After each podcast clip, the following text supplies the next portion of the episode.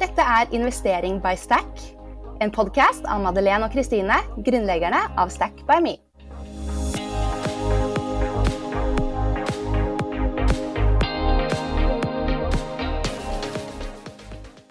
Podkasten er sponset av 247 Office, som er favorittregnskapssystemet vårt. Hallo, da var det klart for ny episode av Investering by Stack, og vi skal snakke om penger og business. Hallo! Ja, det skal vi. Ja, for det er vi veldig glad i å snakke om. Og hun vi har besøk av i dag, hun er virkelig businessdamen med stor B. Hun har hatt toppjobber på rekke og rad, bl.a. leder for HP Norge og Innovasjon Norge. Hun har 19 styreverv, samtidig som hun nå også har blitt gründer og lansert sitt eget klesmerke. Hun er host for Norges største businesspodkast, Godt nok for de svina. Hun har prydet TV-skjermen det siste halvåret som en av Norges power ladies. Og hun holder masse foredrag. Hun har gitt ut flere bøker. Rett og slett, denne dama er rå. Velkommen hit, Anita Krohn Traaseth. Tusen takk. Den introen der hørtes skikkelig slitsom ut. ja, kan du ha stått på, for å si det sånn? Ja, og så må det jo sies til alle lytterne også da, at jeg, jeg, har jo jobbet i over 25 år. Um, så jeg, jeg, startet jo denne reisen inn i næringslivet og arbeidslivet som lærling, eller som trainee, i 1996.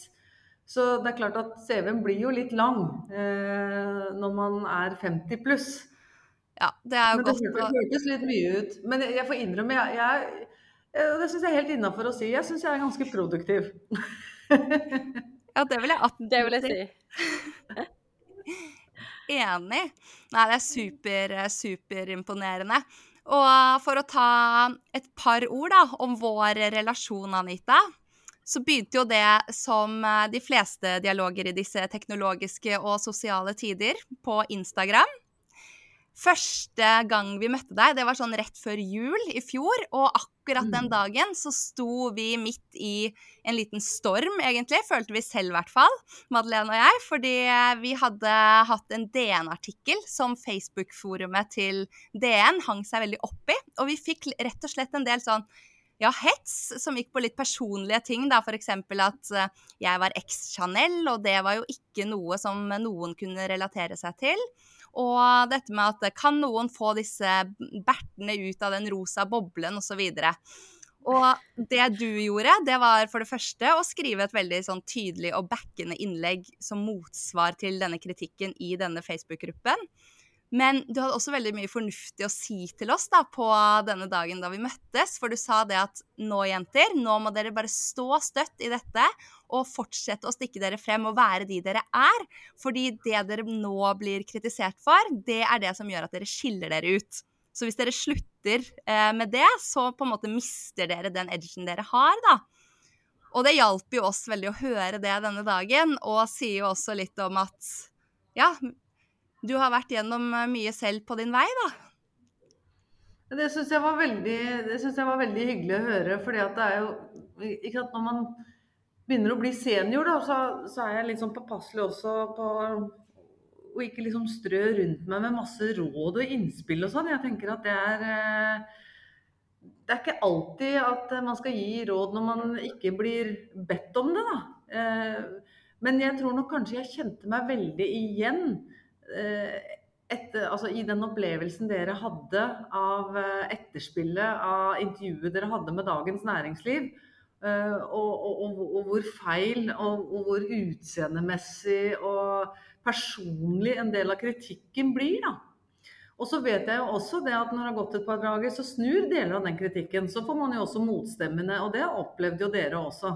Eh, til og med fra journalister i Dagens Næringsliv som mente at eh, Eh, er det noe det er eh, behov for og rom for, så er det jo nettopp eh, to unge eller yngre kvinner som har fokus på finans og kapitalmakt og økonomi. Fordi vi har jo rett og slett forskning som viser at kvinner kan mindre om finans enn det menn gjør. Og det går jo ikke på biologiske egenskaper om at vi ikke forstår finans. Det er bare det at vi har rett og slett ikke samme erfaringen da, rundt, eh, ja, rundt problemstillinger som kanskje menn snakket, snakker oftere om seg imellom. Så når dere begynner å si at nå skal vi snakke om penger og makt og økonomi, så, så kan noen riste på hodet på det. Men jeg skal love deg at i veldig mange jentegjenger så har ikke det blitt snakket om. Eh, og det som snakkes om i guttegjenger, det er jo nettopp både posisjoner og stillinger og ambisjoner og selskaper å investere i og gode dealer og Så, så jeg For det første så syns jeg at det, det dere holder på med, er viktig. Jeg syns det er viktig.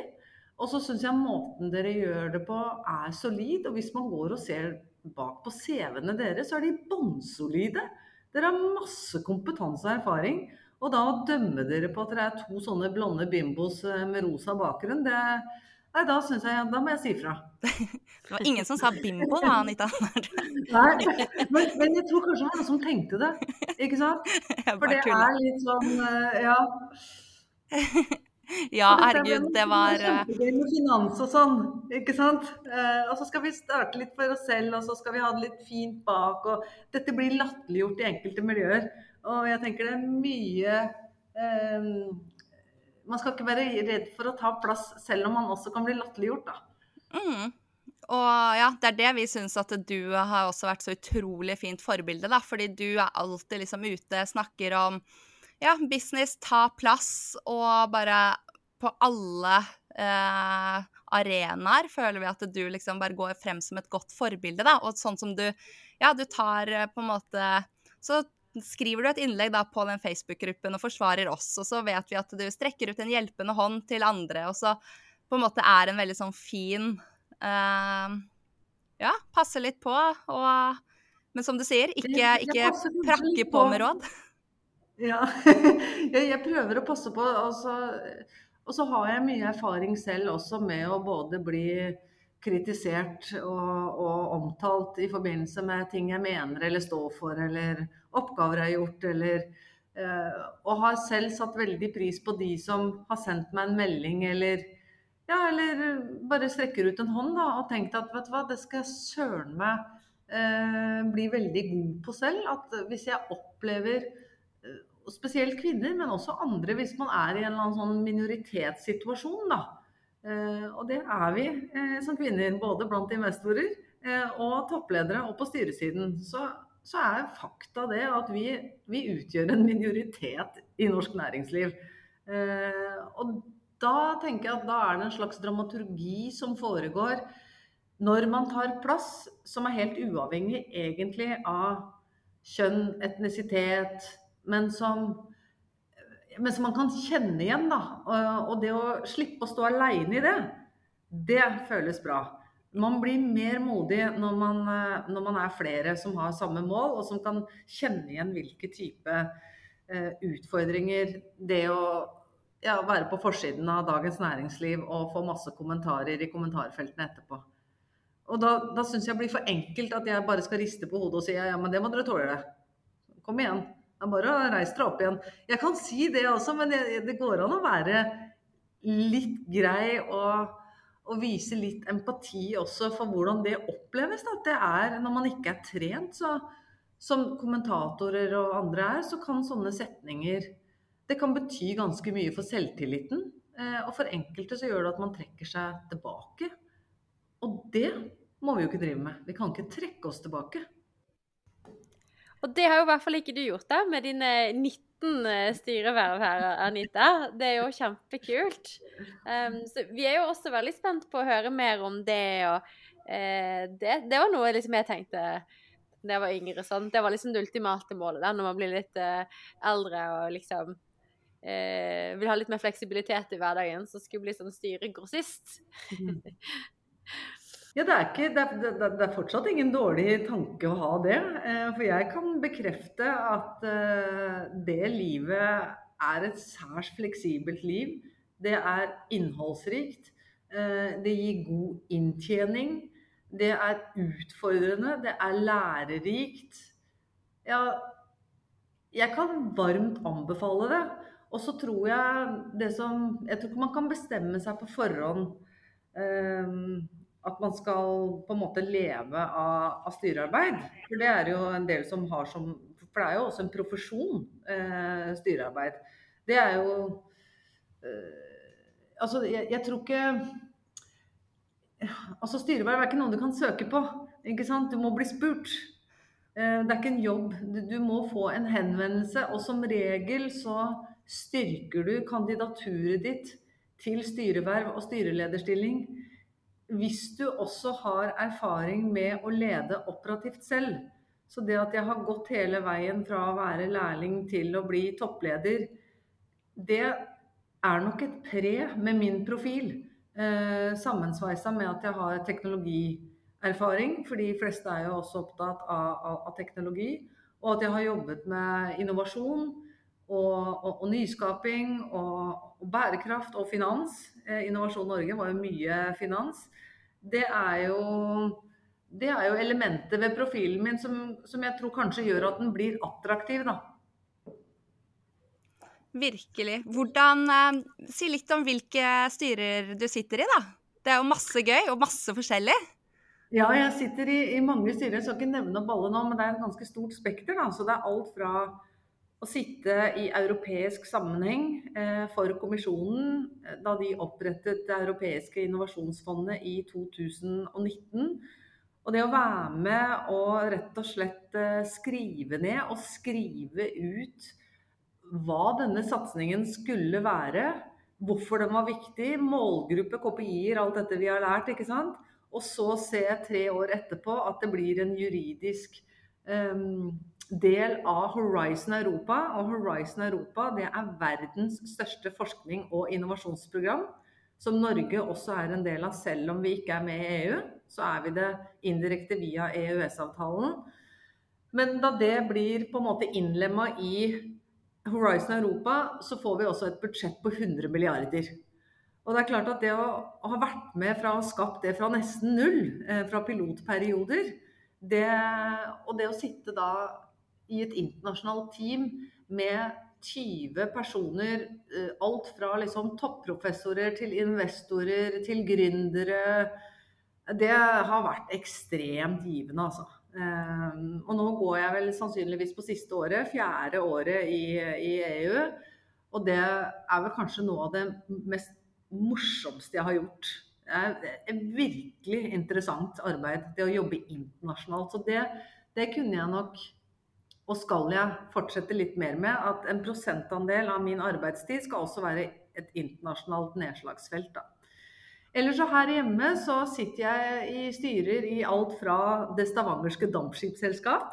Ja. er nesten, så vi, nesten så vi tenker monopol, ikke sant?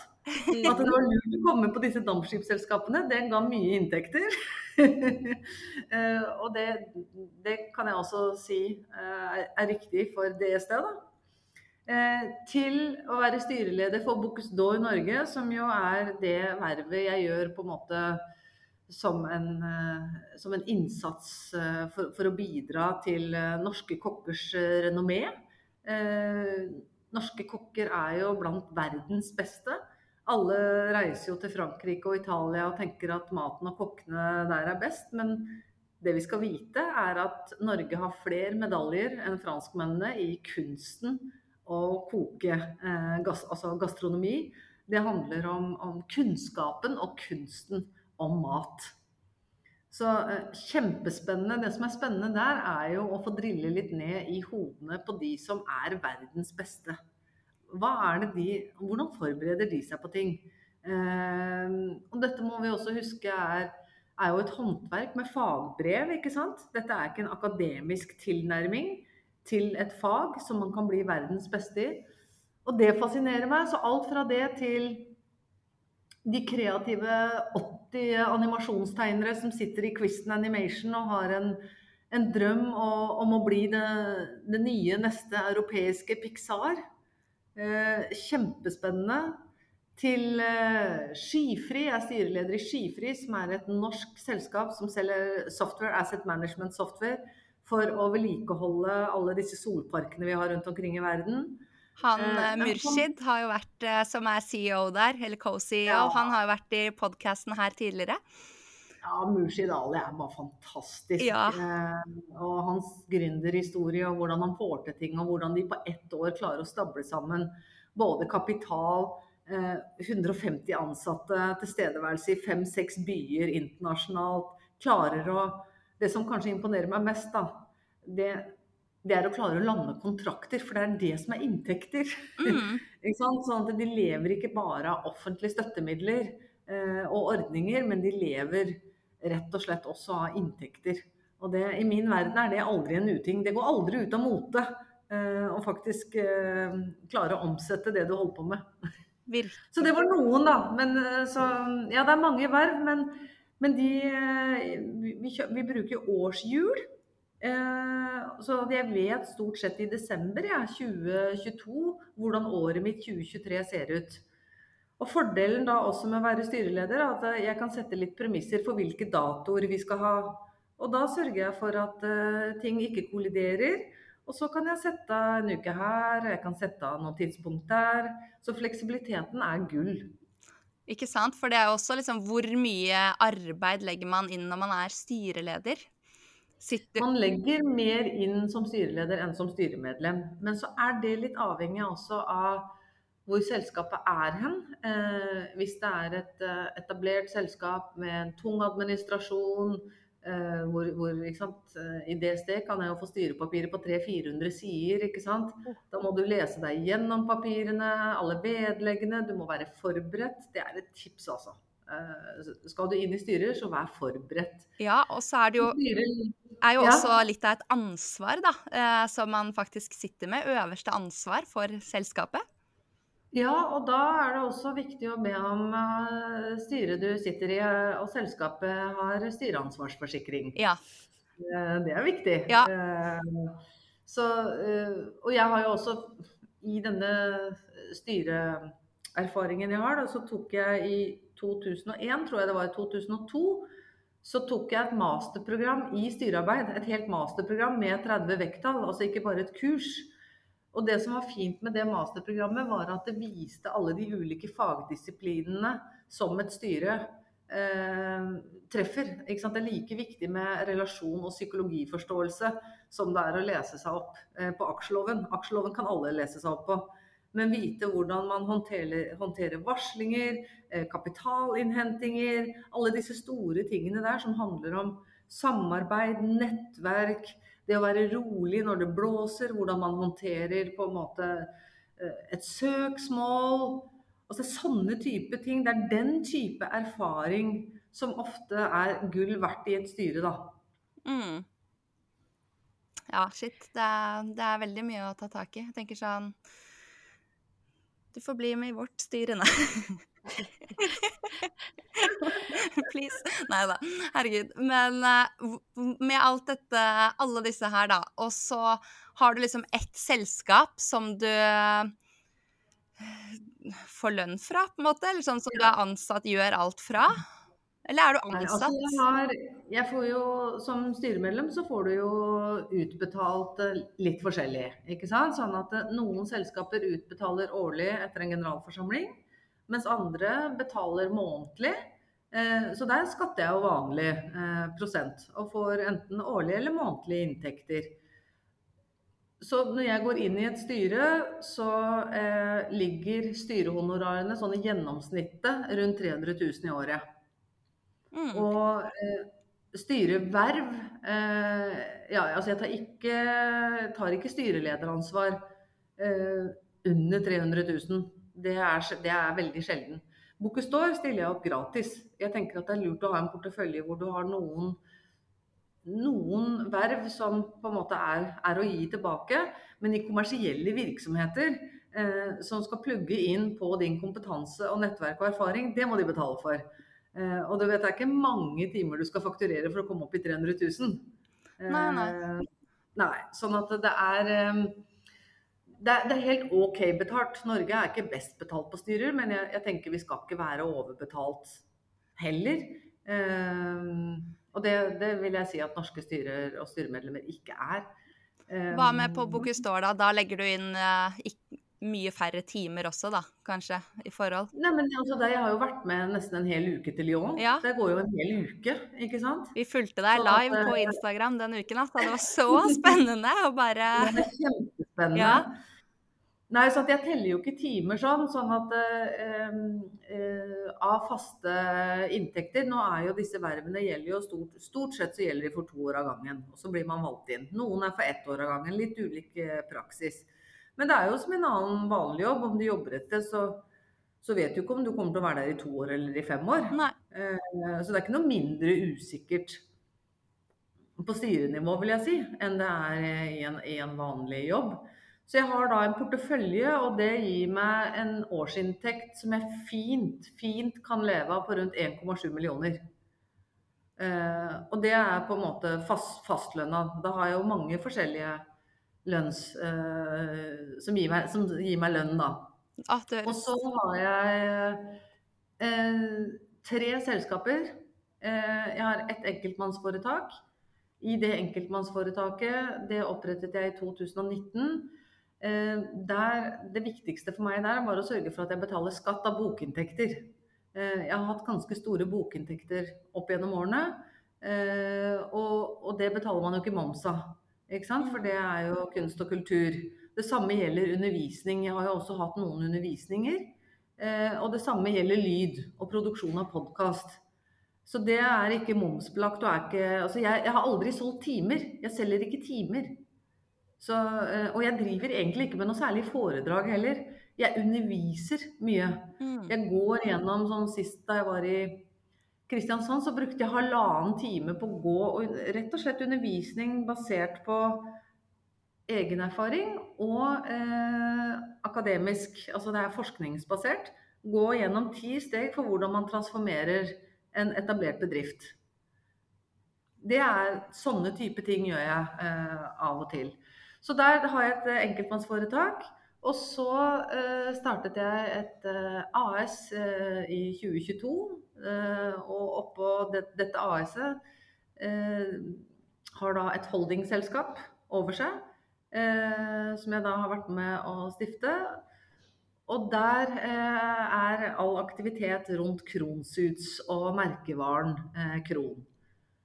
Som selvfølgelig er beskyttet av Patentstyret med merkevarerettigheter. Eh, man må ha en IP-strategi. Ja, fordi hallo, Kron, ja. det må du fortelle litt mer om. For det her er kjempespennende. Ja, altså Å gud, eh, hvor skal jeg begynne? Eh, det, altså Kron er egentlig en videreføring av det jeg har eh, egentlig holdt på med de siste 20 årene. Og det har jo vært, handlet om å dele erfaringer og innsikt fra eh, veien å gå fra trainee til å bli toppleder.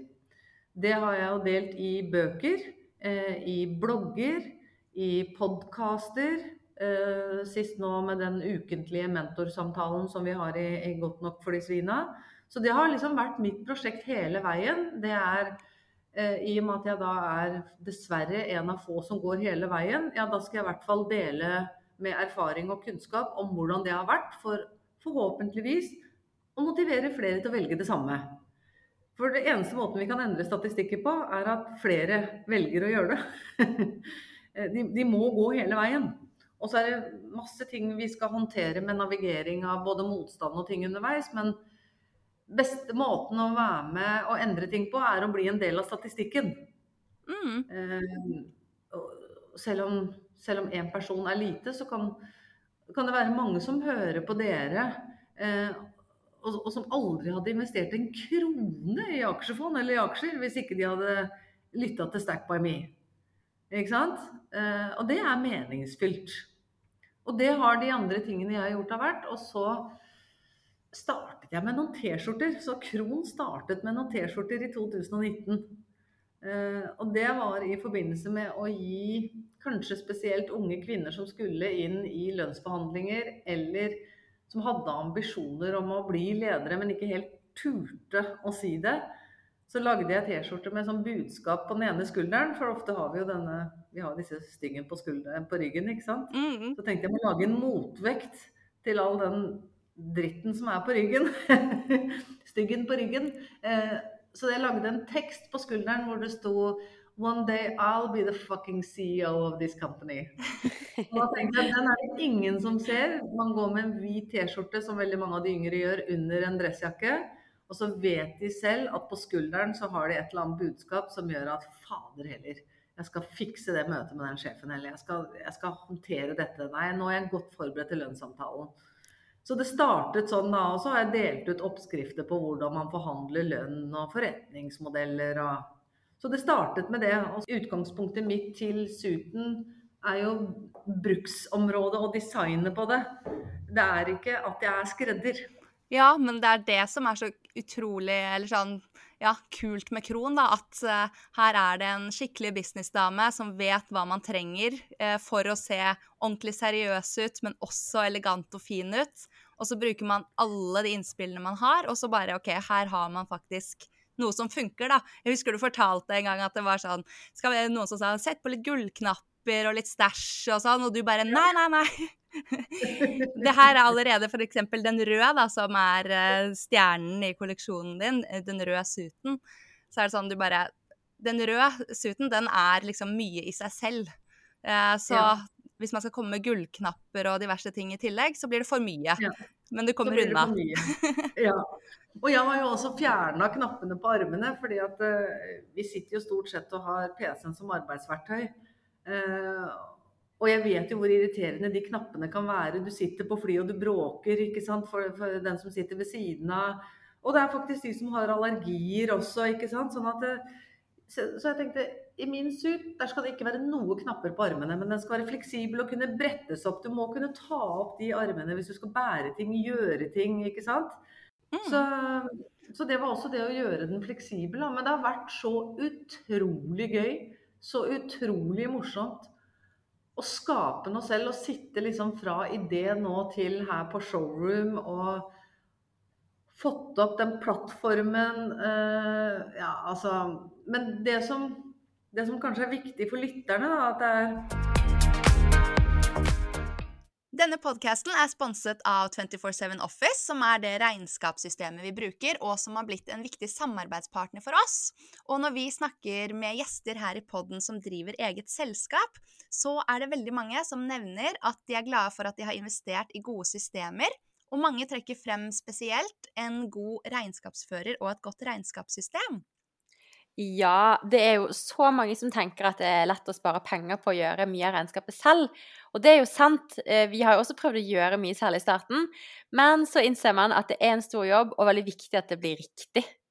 Ja, og den tiden burde man jo kanskje heller bruke på mer verdiskapende arbeid, da. Innenfor det man er god på.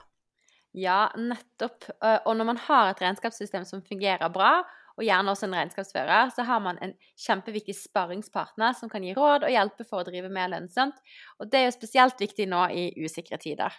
Ja, og klarer man å drive mer lønnsomt, få flere fradrag og bra råd, så sparer man vel fort inn mye av pengene også. Pluss at kanskje man når vekstmålene sine raskere, til og med. Ja, akkurat det. Så anbefaler alle som driver selskap, små eller store, å sjekke ut 24-7 Office for å ha riktig regnskapssystem. Det er en god investering. Det jeg gjorde i 2019 når jeg starta å lage de T-skjortene, var at jeg tenkte at jeg har lyst til å fortsette med dette her, men da skal jeg spare egenkapital. Så jeg har spart i tre år.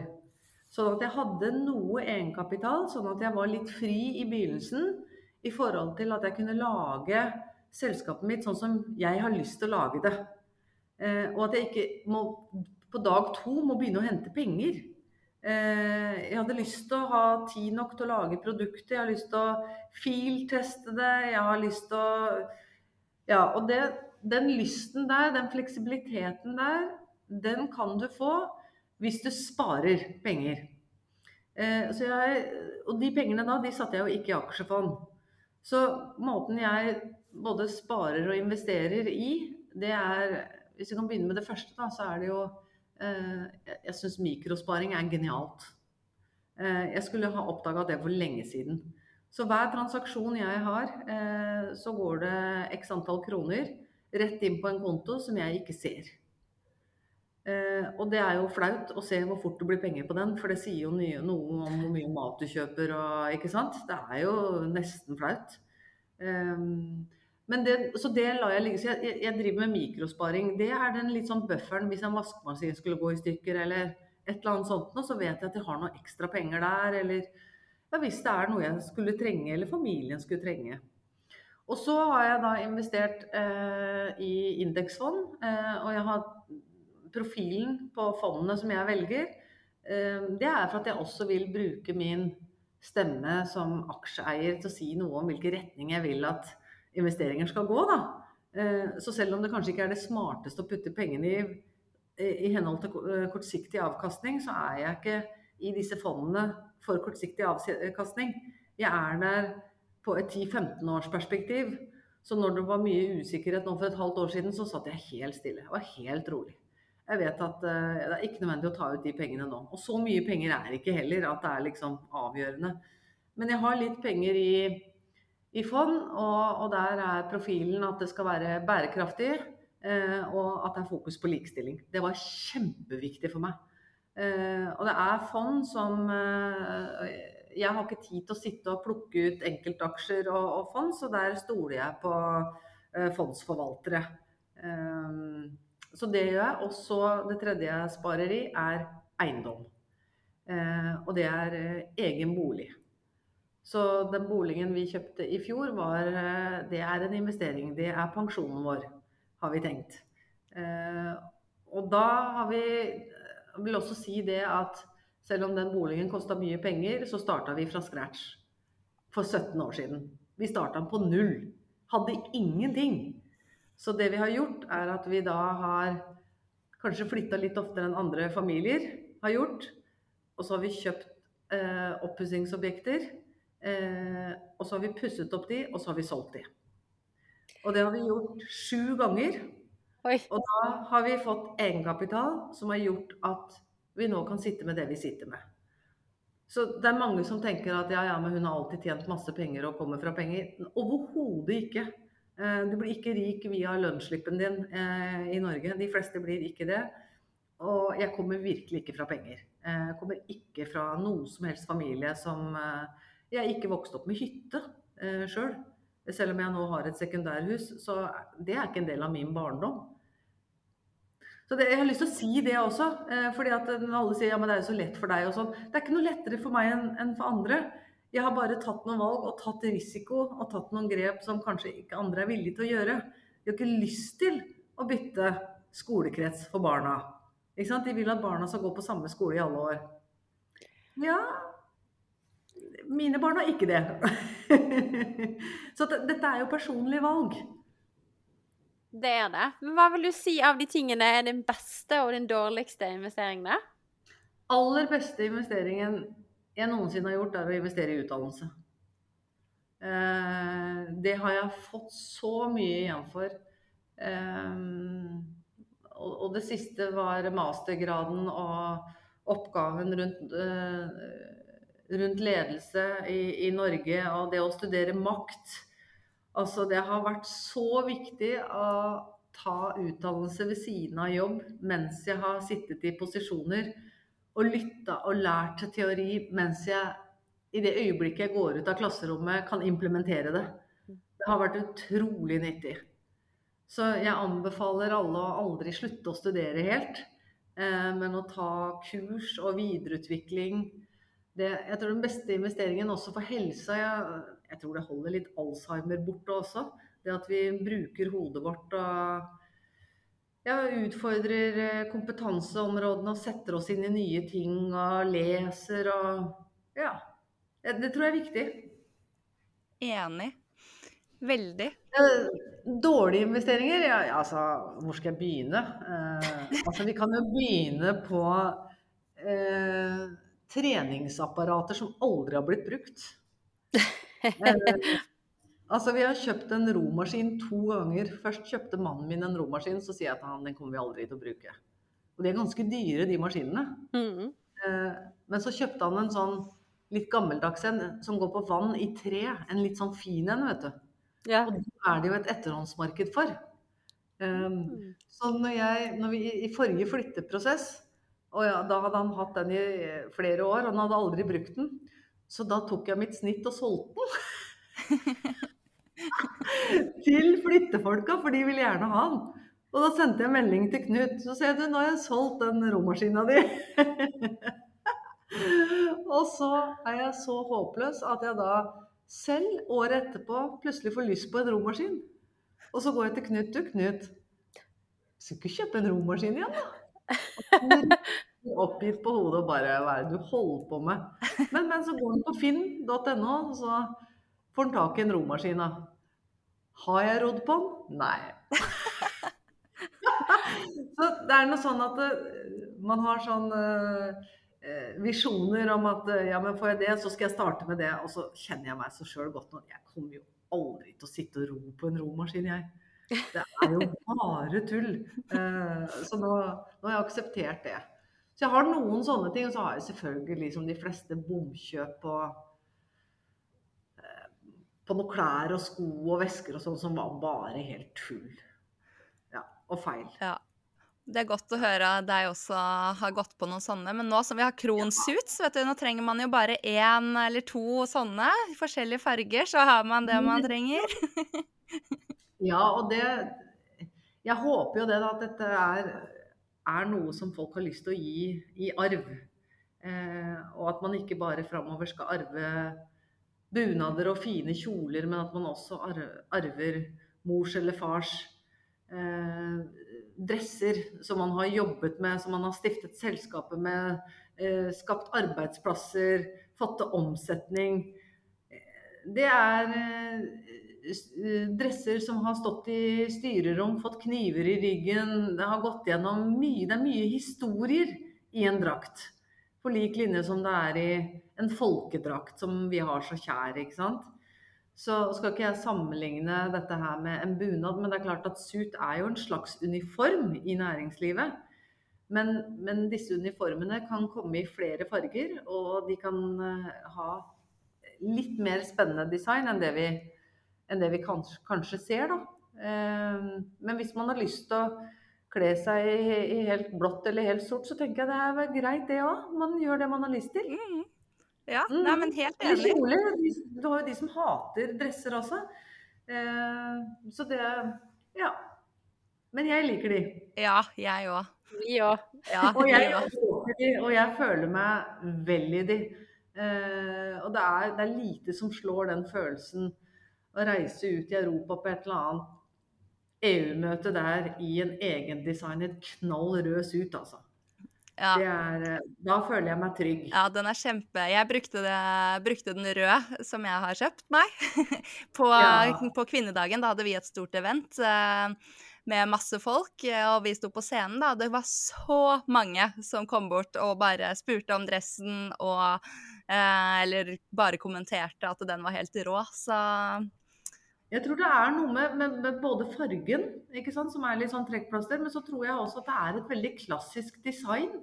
Eh, og så er og Nå har jo dressene kommet veldig tilbake også, da, i motebildet. Mm. Eh, ja, nei, det er ordentlig gøy. Det, det, er, det er kjempemorsomt. Ja, det blir så gøy å følge den reisen videre. Men sånn helt på tampen, da. Vi pleier å avslutte podkasten med en liten oppfordring. Så du som har eh, eh, ja, mye erfaring på hjertet, er det noe å dele? oh, ja. Um, Altfor mye? Sikkert. Ja, jeg har jo delt ganske mye. Eh, men altså, mitt fokus har jo, og er jo fortsatt å, å å få en bedre kjønnsbalanse på toppen av, av, næringslivet, både i Norge og internasjonalt. ikke sant? Og Samtidig vil jeg også si da, til de som ikke har lederambisjoner, at slapp helt av.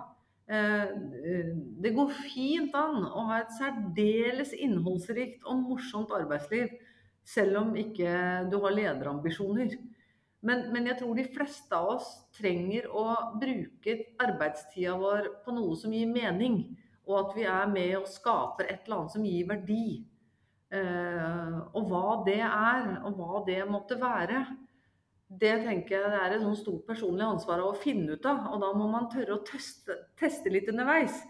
Eh, og ikke nødvendigvis gjøre kanskje det man føler seg forplikta til. da. Og det som er bra med deres generasjon, er at eh, sant, i fem år kan dere starte gründe i fem andre år så kan dere være fast ansatt et sted. Så tar dere tre år sabbatical, reiser rundt med familien. Så kan dere ta to år som studenter. og så kan dere jobbe som konsulenter, og så går dere tilbake og starter et nytt selskap. Den fleksibiliteten i arbeidslivet er bare ett tips. Forsyn dere av den. Eh, og, og, tenk at eh, et arbeidsliv skal være i 50-60 år. Du har plenty av tid. Eh, og verken barn, graviditeter eller annet står i veien for det. Eh, det er bare å se framover. Her er det masse muligheter. Bare forsyn deg av de. Test ut. Ja. Wow. Og det var eh, Ja. Super, superinspirerende og motiverende. Helt enig. Virkelig. Er, man skal jo bare gjøre det. De fleste av oss er redde for hva andre skulle mene om det vi gjør. Ja, men du har jo gjort dette. Er det noe lurt å gjøre det da? Men, men, du har egentlig ikke noe annet rapporteringsansvar enn til deg selv. Så hvis du har lyst til det, du gjør et godt forarbeid og du er villig til å satse på det, ja, gjør det, tenker jeg. Da er det desto gøyere å få det til. Mm. Eh, og det tror jeg alle gründere har som en sånn fellestrekk, at de møter veldig mange som ikke har troen på det de holder på med. Eh, og da er man heldig, da. Er man som dere, så er det en drivkraft. da, At man bare ja ja, så kommer det inn litt kritikk, og det kommer inn, så lærer vi noe av det. og så men så går vi videre. Vi har en visjon. Dette skal vi få til. Ja, Så har vi sånne som deg som bare er der når man trenger det, og med en uh, støttende uh... ja, vet du hva, Jeg har ryggen deres anytime. Det er bare å Det er bare å si fra. Jeg uh, er jo også medinvestor i Stackby Me. Jeg er ingen stor investor, men jeg syns bare som en sånn signalinvestering på at Vet du hva, det dere holder på med, det er It's good shit. Uh, dette trenger vi. Og, og, den formen og fargen dere velger å gjøre det på, det, det Kjør på, sier jeg altså. Dette har bankene prøvd på i alle år, og det, det, funker jo ikke. Så at noen kommer og gjør dette litt annerledes, det tror jeg det er et stort behov for. Oh, ja, det er vi helt uh, sykt uh, glad for også, Anita, at du er med oss. Men tusen takk da for all deling i dag, og ja Rett og slett. Kjempe, kjempefin episode. Vi snakkes snart igjen. Videre, så jeg bare si en siste ting da, til alle dere som lytter. Eh, jeg vet at, eh, at, eh, at dere har et kurs. Et, dere har laga et helt nytt kurs. Et investeringskurs. Og det, altså hadde det kurset fantes da jeg var i slutten av 20-årene eller på begynnelsen av jobberfaringen Jeg hadde tatt det med en gang, men de fantes ikke. Så kurset deres som, som gjør at man får bedre innsikt i, og kunnskap om investeringer, det er en nødvendighet. Så hvis det er noe dere skal bestemme dere for, så er det å gå til arbeidsgiver og si vet du hva, kan dere være med å delsponse dette her? Eh, dette kurset kommer til å gjøre meg bedre, og jeg gjør jobben min bedre, jeg får mer energi, og dette er økonomi, og dette er viktig, og investeringer, og ja, vet du hva. Ah, ja! Meld dere på! Det er min oppfordring. Meld dere på. Ja. Det var et veldig godt tips, at man kan faktisk spørre arbeidsgiver om litt spons. Mm. Ja. ja, ja fordi at ofte så er det jo Nå er det jo eh, kostnadskutt for en del bedrifter, men det er alltids en liten konto for Med mindre man er på en måte på konkursens rand, da, så er det jo eh, en, en, en, konto for investeringer og opplæring og kursing. Mm. Eh, så har man lyst på kurset, kan man ikke gå til lederen sin og si Vet du hva, det tar så og så mye tid. Eh, hvis jeg betaler halvparten, er dere villige til å betale halvparten? Og så kan man jo også kanskje få se på noen oppgaver som er relatert til kursinnholdet da, i forhold til jobb. Det er mange måter å gjøre dette her på. Men som sagt, min beste investering har vært utdannelse og kursing. Det er dette her også, så det, det Fortsett med det. Ja, det likte den uh, oppfordringen der. vi starter jo da nytt kurs eh, til høsten, vi da. Blir det vel uh, det ble, det ble fullbooket med en gang, det nå. Nettopp. Ja. Ikke sant? Supergøy. Skikkelig, skikkelig gøy. Ja. Og det er, det er, meningsfylt. Så det er, det er bra ja. at det finnes sånne kurs. Ja. Nei, men herregud, tusen takk, eh, takk, for nå. Så må vi jo bare oppfordre alle som har lyttet, da, til å følge podkasten, enten du hører på Spotify eller på Apple. Så får du varsel hver gang det kommer en ny episode. Så yes, takk for nå. Tusen takk.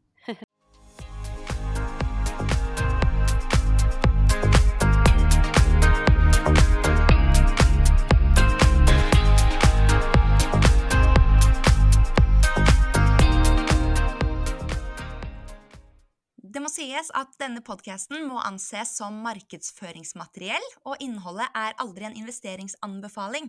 Podkasten er kun ment til inspirasjon og informasjon. Så innholdet i podkasten bygger på offentlige, tilgjengelige kilder som Stack anser som pålitelige, men vi kan ikke gi noen garanti for nøyaktighet og fullstendighet bak dette. Så Stack by me tar ikke ansvar for eventuelle tap som dere lyttere kan møte dersom dere bruker informasjonen som blir gitt i denne podkasten.